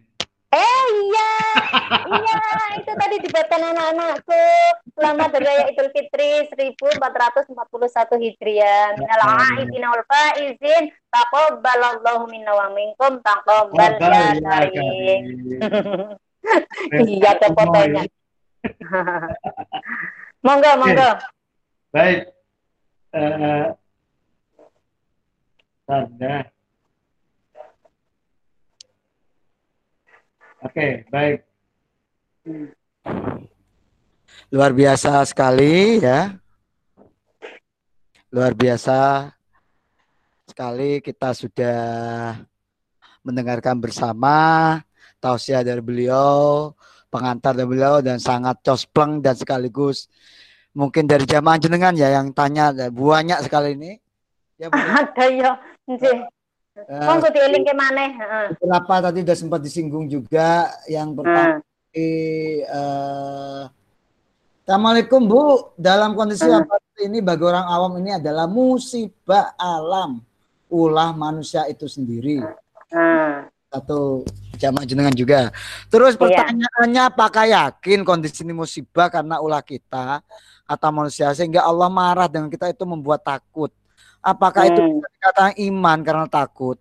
Apakah justru itu perasaan yang berlebihan, Bunda? Terus bagaimana hmm. menanggulangi rasa takut untuk menjadikan lillah ikhlas menjalani kondisi sani? Itu pertanyaan dari Ibu Hijratut Tabiah ke Dewan. Anjir. Terus nanti Mas dijawab satu-satu atau terus langsung dijawab mawon. Ah, nggih. Mbak Tabi, terima kasih ikut hadir dan ikut diskusinya nggih. Jadi yakin atau tidak, yang jelas itu seperti tadi dalam ayat ma'asobami musibatin ya, musibah apa pun itu sudah tertulis di lauh mahfud. Artinya sudah takdirnya Allah. Nah sekarang itu kemudian yang jelas seperti yang saya tadi tegaskan, kalau memang ada masyarakat yang mengatakan ini musibah, monggo. Dan apakah ini karena kesalahan ulah tangan manusia? Loh, ya nyatanya iya toh. Jadi cara Allah saking dableknya manusia merusak alam kan begitu toh ya. Kayak imum pakai COVID virus langsung pabrik-pabrik berhenti kan begitu toh. Sehingga gas emisi, gas buang dan lain sebagainya itu menyelamatkan langit menjadi biru. Kemudian pemanasan global di kutub utara dan kutub utara itu juga terobati. Nah, Bagaimana caranya supaya tidak paranoid ketakutan? Ya Allah, ini takut banget gara-gara saya manusia seperti ini, akhirnya Allah seperti ini. Nih, maka turunkan derajatnya atau tingkatkan derajatnya bahwa semua ini adalah ujian. Ujian itu berarti apa? Saking sayangnya Allah kepada kita manusia, ya, Berarti atas dasar ini berarti kiamatnya masih jauh kak, ya jangan khawatir. Amin, amin, Karena alamnya sudah amin. sudah diremajakan lagi gara-gara virus ini kan. Uh, katanya ya? juga ada sedang meriset bunda, bumi sedang meriset dirinya. Nah makanya buminya kan habis diriset, jadi ya. insya Allah semoga uh, uh, kiamatnya sih aduh ya. Amin. Jadi itu sebagai kabar gembira untuk kita mukmin ya jangan terlalu merasa berdosa begitu. Yang penting rasa berdosanya alihkan menghadapi pandemi ini dengan keyakinan ini ujian dari Allah. Kalau kita kuat dan bisa sukses, ya selamat dan bisa menghadapi pandemi ini berarti kita naik tingkat derajat mutaklimnya, la'alakum takunnya benar-benar keren. Amin. Tuh. Ini berikutnya Bunda ini. Ini yang menghadapi viral-viral di media sosial. Jenengan mungkin juga tahu nggih beberapa hari yang lalu atau minggu yang lalu kan viral. Salah satu ustaz, mm -hmm. maaf tidak menyebut nama ya bunda ya.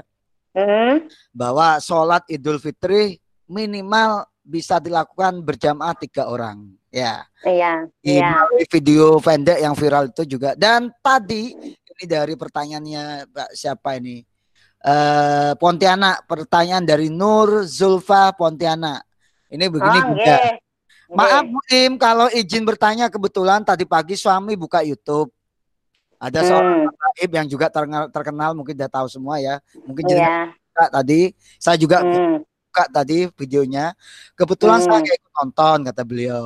Hmm. Yang menyampaikan bahwa tidak sah hukumnya sholat id hanya hmm. berjamaah dengan keluarga karena tidak ada tuntunannya dan tujuan dari sholat id itu. Hmm. Ada syiar Islam sehingga jika pelaksanaan di rumah masing-masing jadi tujuan tersebut tidak ada tercapai. Jadi tujuan syiarnya ada tercapai Bunda kata ini. Ya. Bu Bu Nur ini ya. Gimana hmm. Bu? Karena kami terus terang jadi bimbang. Sama-sama hmm. tokoh kan Bu yang ngomong nih Bu ya, bukan orang remeh-remeh, hmm. bukan kaleng-kaleng kata anak sekarang. Hmm.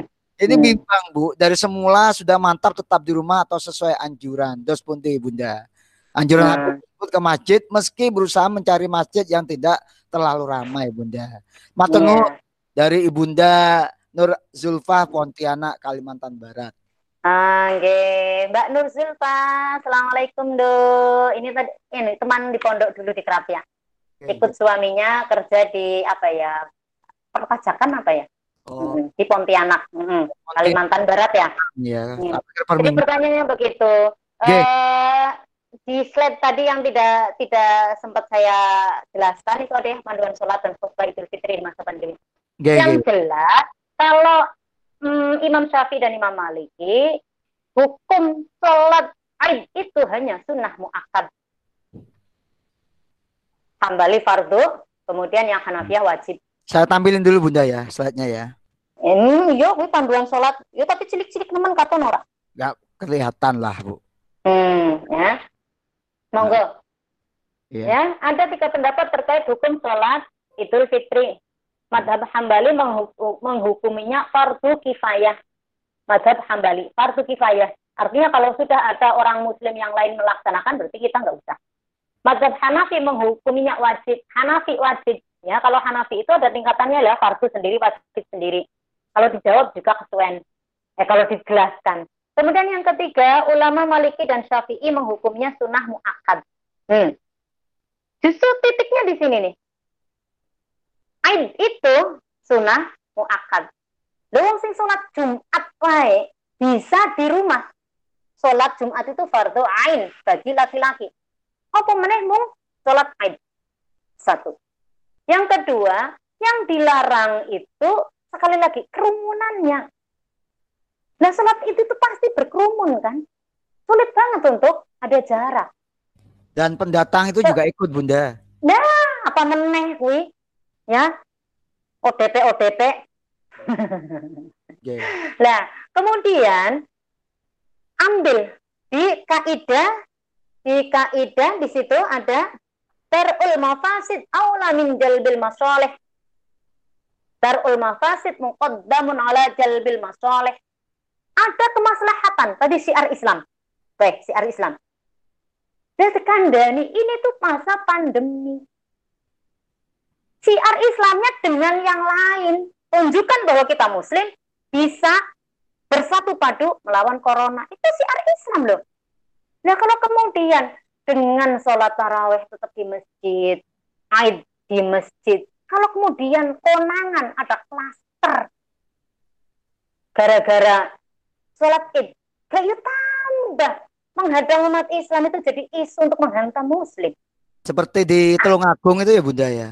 Nah, ya apa pun. Jadi ada kemaslahatan ya siar Islam tadi ya. Ben eh. sekalian tuntas ya. ya ada betul. siar Islam memang dengan sholat jamaah di uh, id di masjid di lapangan. Tetapi mafsadahnya, kerusakannya, ya, adanya tersebarnya COVID itu harus didahulukan, harus diutamakan. Jadi, ya kalau merasa tidak sah sholat uh, id di rumah, ya sekali-kali gak apa-apa toh. Kan ini sebarang untuk Lailatul Qadar. ya, ya, gitu loh ya. Jadi jangan merasa monggo, hmm, jadi jangan merasa bahwa ya Allah, Allah tahu segalanya. Ini memang kehendaknya Allah. Maka manusianya juga harus kreatif. Kreatif ter termasuk juga dalam mensikapi tadi sholat. Oh, jangan ngeyel demi soleh secara ritual, tapi sampai nulari tonggo-tonggomu kena kabeh. Okay. Itu ya. Jelas, itu. Jelas sekali Bunda. Hmm. Udah dari acuan hmm. panduan hmm. sholat tadi udah jelas dan hmm tadi menyampaikan Pemkap juga memberikan imbauan kalau nggak salah. Mm -hmm. okay. Dan tentu uh, di Pemkap itu juga meminta pendapat dari para ahli-ahli tentunya Bunda, termasuk mm. MUI tentunya ya yang di di mm. Negoro ini terutama. Ya okay. Bunda sampai singgung tadi di salah satu persentasenya tadi bahwa jangan sampai umat Islam menimbulkan kemaluan ya dari gara-gara nggak disiplin sehingga muncul uh, menimbulkan memalukan lah, bukan kemaluan. Ah, kok kemaluan piye toh? Salah imbauan. Seperti maaf di Tulungagung ada klaster baru itu yang mm. viral juga itu ya di mm. gara-gara jenengan cerita tadi meninggal mm. di di CTW, kubur CW, di tali lebat mm. satu kampung di lockdown itu. Di Tulungagung iya. itu kan. Pengennya sih ar cuma karena tidak sadar diri tentang mm-hmm. Protokol akhirnya mereka seperti itu bunda oke bunda ini lanjut bunda yeah. main yeah. berapa banyak loh bunda ternyata ini mungkin habis hari raya ini juga disambung ngajinya bunda karena kata jenengan new normal tadi bunda ya mesti yeah. zaman jenengan mesti saya yakin kangen nih hmm. nyapa sampean ya oke yeah. ya ini bunda berikutnya dari jamaah jenengan juga. Orang awam hari ini betul-betul bingung, Bun. Dengan hmm. ada kebijakan pemerintah sehubungan dengan masa pandemi yang juga melarang semua kegiatan keagamaan baik itu di masjid maupun jamaah pengajian. Bahkan hmm. matanya hukum wajib juga ditiadakan. Jenengan tadi hmm. udah sini kan ya. Terus hmm. mereka banyak yang bertanya-tanya ke saya, itu maksudnya pemerintah gimana ya? mau berbuat baik, memperbanyak amal soleh, berdoa agar selamat dari segala macam bala dan bencana kok malah dilarang. Lah nek dikon ibadah no no mai dhewe yo mboten saged to Bu. Kados kula ngeten niki kan sagetin namung makmum kali mbayai. Apa hmm. mate bojoku ae napa niki? Gak sholat terus kula sholat nggih tasik rubuh gedang pripun? Sholat rubuh gedang. Baik, ngaten-ngaten. Terus piye Bu, diterima ya boten salat kula. Pripun Bun jawabnya? Kalau ada nanya ngoten, maksudnya ini okay. pemerintah kok ngelarang-larang ngoten lho Bun. Salat okay. jamaah kok dilarang. Nah, apa meneh kula niku sik salat urung ajeg, sik bungkuk melek bungkuk ngadeg melek ngadeg ngeten lho Bun. Ya, itu dari okay, okay. Bu Nurul Kayu Lemah Sumberjo Bun. Hmm. Andre Bu Nurul, terima kasih ikut hadirnya, ikut diskusinya ya. Ya ini nuwun sewu. Kita umat Islam itu jangan mudah dibentur-benturkan, nggih. Apa pun tasurukul imami ala ra'iyah manukum bil maslahah. Jelas itu. Ya, kebijakan pemerintah berkaitan dengan masyarakatnya itu manutum bil maslahah harus selalu dikaitkan dengan kemaslahatan Iki nganggo pembahasan rasa karpe. Tadi juga sudah saya singgung kan, ya. Ini kan yang selalu dibenturkan. Oh, ini pemerintah yang aneh-aneh. Antek PKI. Membenci umat Islam. Sholat nang masjid rentok. Tapi mall dibuka, pasar dibuka. Itu kan suaranya yang terdengar. Betul, betul, betul. Yang ramai. Nah, dan G. Nah ini karena ada si ngompor-ngompori. Jadi sekali ini saja pas waya pandemi, sholat kita kesalehan sing dipamer-pamer ke sholat nang masjid dan lain sebagainya. Ayo didorong pindah ke rumah. Anak-anakmu gitu diajari sholat dewe. Selama ini mau titip ketok nang di kae. Ngono ya. Jadi bukan masalah begitu yang sekali lagi saya tegaskan ya, maksudnya yang dilarang adalah kerumunannya. Nah, karena sholat itu nun sewu aturan soft itu kan juga yang longgar titik dari kemasukan setan kan begitu toh. Maka kemudian karena sholat itu juga wajib, maka perlu ada fatwa hukum sing pasti. Sekali saja kemudian ada anjuran, ada himbauan untuk sholat di rumah kan begitu. Nah kalau di mall, pulang mudik dan lain sebagainya, walaupun ada larangan, tetapi itu hal-hal yang mubah. Mubah, Kak. mubah mau diambil atau tidak oleh masyarakat terserah karena mubah ya wis terserah masyarakat tinggal kecerdasannya masyarakat dan kepeduliannya terhadap pencegahan covid bagaimana kalau ternyata uwel-uwelan kayak gitu ya salah dewe jangan salahkan nanti kalau kemudian para medis bilang terserah lo mau mati mau apa. Gitu loh ya. Jadi karena sholat itu itu aturannya jelas ya wajib ada aturan dan lain sebagainya maka untuk mengelola untuk mengaturnya dalam rangka pandemi ini darurat ini juga maka harus ada hukum keputusan hukum yang jelas dan seragam.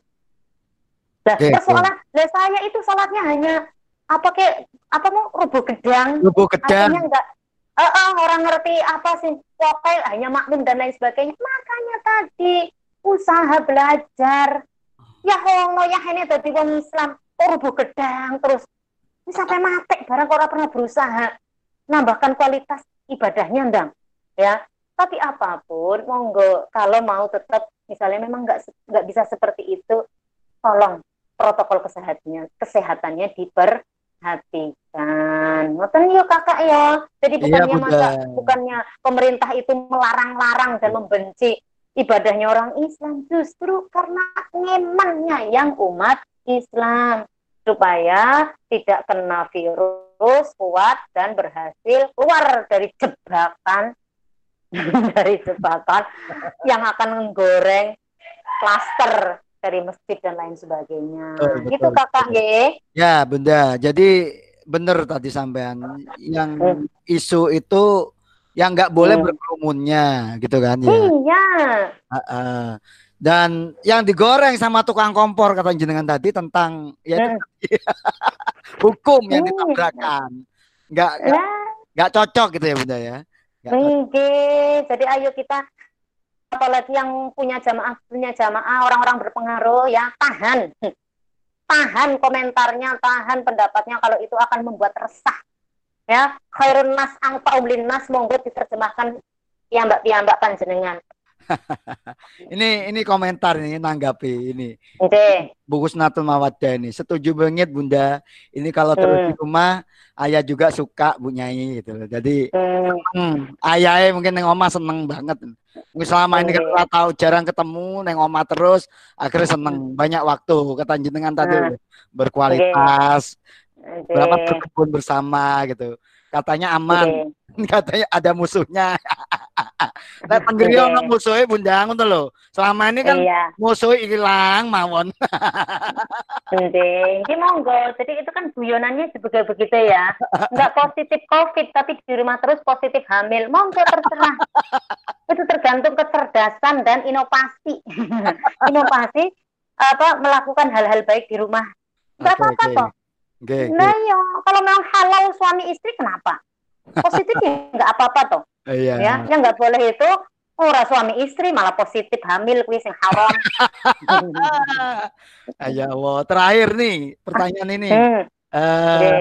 Dari Kang Zen nih, peniadaan sholat Id dalam pandemi virus corona kenapa sebagian orang beriman tidak dikedepankan hukum daruratnya Bunda gitu loh. Ini, ini masih saya dengar Bunda di desa-desa ini masih ngeyel mau menyelenggarakan sholat. Ya aku mm. Aku pribadi ya sudah komitmen Bunda. Aku gak bakalan mm. sholat nang omah wae mangan jajan wis ngono. Nggih. Nggih. Itu Bunda, kenapa orang beriman masih belum memperhatikan uh, meng, apa ya, memperhatikan daruratnya, masih ke tuntutan ibadahnya Bunda seperti itu. Kenapa Bunda? Iya. Iya itu dan karena itu mau pamer. Makanya KDS penuh ya gara-gara kui. nah ya tujuannya begitu mau pamer. Padahal sekarang itu seperti yang puisinya Gusmus itu ya, puisi aslinya Gusmus. Sekali ini saja Allah itu ya Allah selama ini kita itu selalu memamerkan ibadah-ibadah kita. Ya. Yeah, betul. Ayo kendalikan ego kita, sholat di rumah tanpa pamer gitu loh. Nah karena mau sholat id itu tadi RT-nya mengadakan sholat id butuh baju baru, sampai pamer. loh, benci aku. Lah itu nyatanya begitu sih. Iya betul. Ya, kalau saya itu oh, baju kuis sapi orang satu. nah, nah, serius. Jadi nun sewu ya, saya bukannya sombong. Ya mungkin mampu untuk cukup beli baju, tapi anakku yang kelas 2 aja nggak tak belikan. Cukup pakai lungsurannya KKN. Nggak bilang nanti setelah COVID selesai kamu minta apa aja. Karena saya lagi melatih anakku bagaimana peka terhadap keadaan seperti ini. Anakku sing remaja-remaja itu juga biasa pakai jual beli online ya. Tapi nggak kasih uang nggak usah kok artinya apa? Kalau kamu ya bukan nanti anu produksi mati. Ya sekali lah band kreatif dia. Nanti juga setelah rame-rame ini ya butuh beli baju-baju tak pokok no Hah? jadi kenapa tidak tidak konsisten? Ya karena itu tadi kak. Ya? Ego sudah terlalu biasa. Pengen solih secara ritual. Padahal hmm. Allah itu loh non sewu nggak butuh dengan ibadah kita. Bah sampai ibadah ngantek gosong batu eh bah dan lain sebagainya. Allah itu nggak butuh. Itu semuanya kembali kepada panjenengan. Seorang hamba. Dan sekarang dengan pandemi ayo pamer kita pamer kita ya kesunyian kesendirian itu bukan kesunyian nah kata tagline-nya Yai Yai Husain Muhammad ya Sekali-kali coba toh panjenengan ibadah sendiri tanpa pamer di rumah. Lebih nikmat loh. Tergantung kualitas imannya. Jadi kalau ada orang-orang yang masih ngeyel tanpa melihat anjuran dari pemerintah, yaitu tadi agar terserah lu. gitu. Susah Bunda. Kalau yang ngomong terserah lu medis susah Bunda. Nah ya makanya gitu loh. Dan yang rugi kita semua kan. Pengen yeah. kayak Ekuador mati nih dalan-dalan kayak ini sing ngangkuti lima ribu hmm. semalam itu ya Bunda ya dan jing kan jadi kita sebagai muslim ayo kuatkan tekad kita uh. untuk bersama-sama mempercepat hmm. sirnanya pandemi eh, virus 19 ini bersama-sama nggak bisa kalau sendiri kalau masih ada satu dua yang ngeyel ya hmm. orang hilang-hilang yuti was pekel hmm. Enggak Bunda. Ya, akhirnya, iya, akhirnya ya the uh, the apa tadi? Hmm. The new apa tadi Kak? New normal. apa? New normal. The new normal. Nah, ini yang sedang kami angkat sama Ertik Bunda juga nanti selepas hmm. ini uh, new normal itu yang akan kami bangun di Bojonegoro Bunda. Ayo. Ya. Uh -uh. Ini sambungannya Kang Zen Bunda. Berarti hmm. kita harus berpedoman pada ayat 195 surat Al-Baqarah. Ini piye Kang? Aku ke apal Kang. Apa? Wala tulku. Wala tulku di, di etik jumlah tahlukah tadi dah. Oh, 195 surat Al-Baqarah, Bunda. Apa? Mun ini apa kan Zen aku kapal kan Zen iki duduk duduk penceramah. bi aidikum ila tahluka. Janganlah kamu menjatuhkan dirimu dalam kerusakan. Hmm. Jadi waya pandemi ini gitu loh ya. Yeah. Maka ya ojo ada anjuran dari pemerintah ikuti ya karena tasarruful imami ala ra'iyah manutum bil maslahah kebijakan-kebijakan pemerintah untuk masyarakatannya itu berdasarkan dan sesuai dengan kemaslahatan demi kebaikan bersama. Nah, masyarakat dibantu, duit semua kayak ora disimpan. kanggo tuku beras malah tuku baju. Iya, jual. Ngantri bek Bunda. Tonggo sampai di mall, mall tangga sampean tuh loh, dekat rumah jenengan tuh. Ngantri tiap malam tuh. Ya, gitu makanya. Ini ada guyon Bunda di media sosial cah nom-nom ngopi nih gitu. Heeh. Gaya tok sakit protes salat nang masjid ra entuk bengok-bengok padahal bedinane ra tau salat eh gaya tok. Nah, makanya itu juga jadi pertanyaan. Enggih, betul. Jadi mereka yang gaya-gaya begitu sama dengan kemarin Mas, yang konser virtual itu loh Mas, sing hoax. Ada fotonya Pak Jokowi sama Pak Menteri Kesehatan itu, itu kan hoax banget kan. Itu juga sok gue ya jadi. Hmm. Itu menghina umat Islam. Di saat mencari Lailatul Qadar malah dikongkon delok konser itu kurang ajar banget. Kayak sok suci ndang. Ya, Iya iya iya. Ya. iya. ya, ya yang seperti ini seperti ini nuhun sewu ayo literasinya anak-anak gaul anak-anak muda yang benar ya Mm-mm. jadi kayak konser kemarin itu konser amal tidak wajib juga kan kami juga tidak wajib lihat toh mau Iya. lihat alhamdulillah mau nyumbang alhamdulillah ora yo wis sampai nate golek leletul qadar golek ono lah kok malah dienggok-enggok nih jadi mencederai Iya. umat Iya Islam Bunda. jadi. ya Mohon mohon bimbingannya. ini.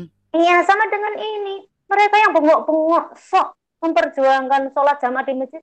Sekarang kemarin kemarin ke mana aja? Wong nyatanya masjid musola ki ono mbah wek-wek tok kok sing sholat. Hmm. Betul betul betul. Iya. Jadi memang benar Bunda, memang literasi kita harus bangun. Mohon arahannya Nggih.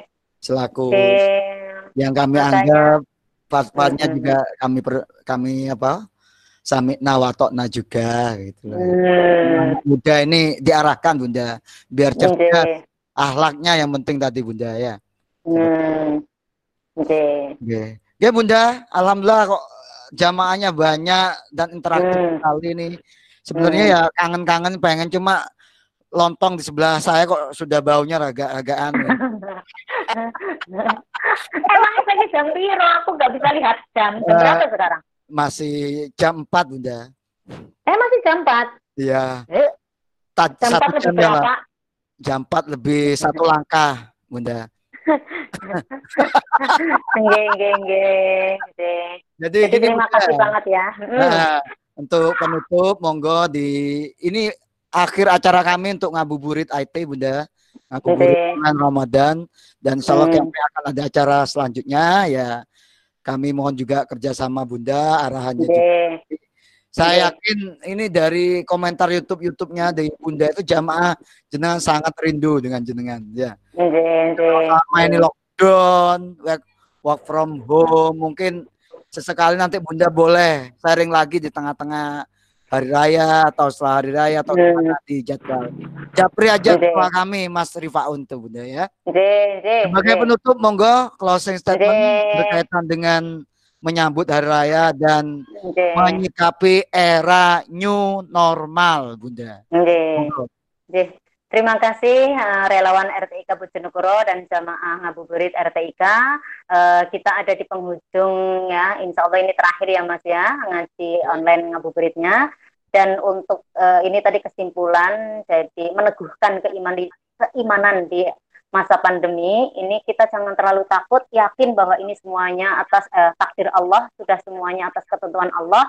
Eh, kita menyikapinya harus istiqomah dalam kebaikan, usaha maksimal, usaha lahir batin ikhtiar, ikuti anjuran pemerintah, tetap di rumah. Kalau itu eh, keputusannya harus di rumah, kerja dari rumah. Di rumah itu bukan eh, tidak hanya menyelamatkan diri sendiri, tetapi juga menyelamatkan orang lain. Kemudian jangan terlalu takut, jangan terlalu lebih merasa berdosa karena ini gara-gara eh, apa ya rusaknya manusia sehingga Allah memberi ini juga tidak anggap saja ini ujian yang akan meningkatkan derajat ketakwaan dan keimanan kita. Kemudian untuk Idul Fitri saya kebetulan bersama RTIK mewakili eh, diri saya sendiri dan kebetulan sampai tiga kali ya kak ya terima kasih. Kalau ada kesalahan materi, kesalahan ucap, eh, ucapan, tindakan yang tidak berkenan mohon maaf. Niatnya adalah bersama-sama diskusi untuk kebaikan masyarakat Muslim Indonesia dan masyarakat Indonesia secara umum. Supaya kita itu e, karena mayoritas di Indonesia adalah Muslim supaya kita tetap menjadi warga negara yang ramah dan tidak bebal. Tetap cerdas dengan akal sehatnya untuk kemajuan Indonesia. E, selamat Hari Raya Idul Fitri, mohon maaf lahir batin usahakan tetap tidak mudik, tidak ke mana-mana, dan jaga silaturahim kita besok Roma, uh, Lebaran sesuai dengan apa ya niat dan kemaksimalan kita menerima tamu. Jangan putuskan silaturahim, tetapi juga ikuti cara inovasi yang terbaik supaya kita tidak ikut menyebarkan virus. Uh, minal aidin wal faizin kullu amin wa antum bi khairin Wallahul muwaffiq ila aqwamit thoriq. Wassalamualaikum warahmatullahi wabarakatuh.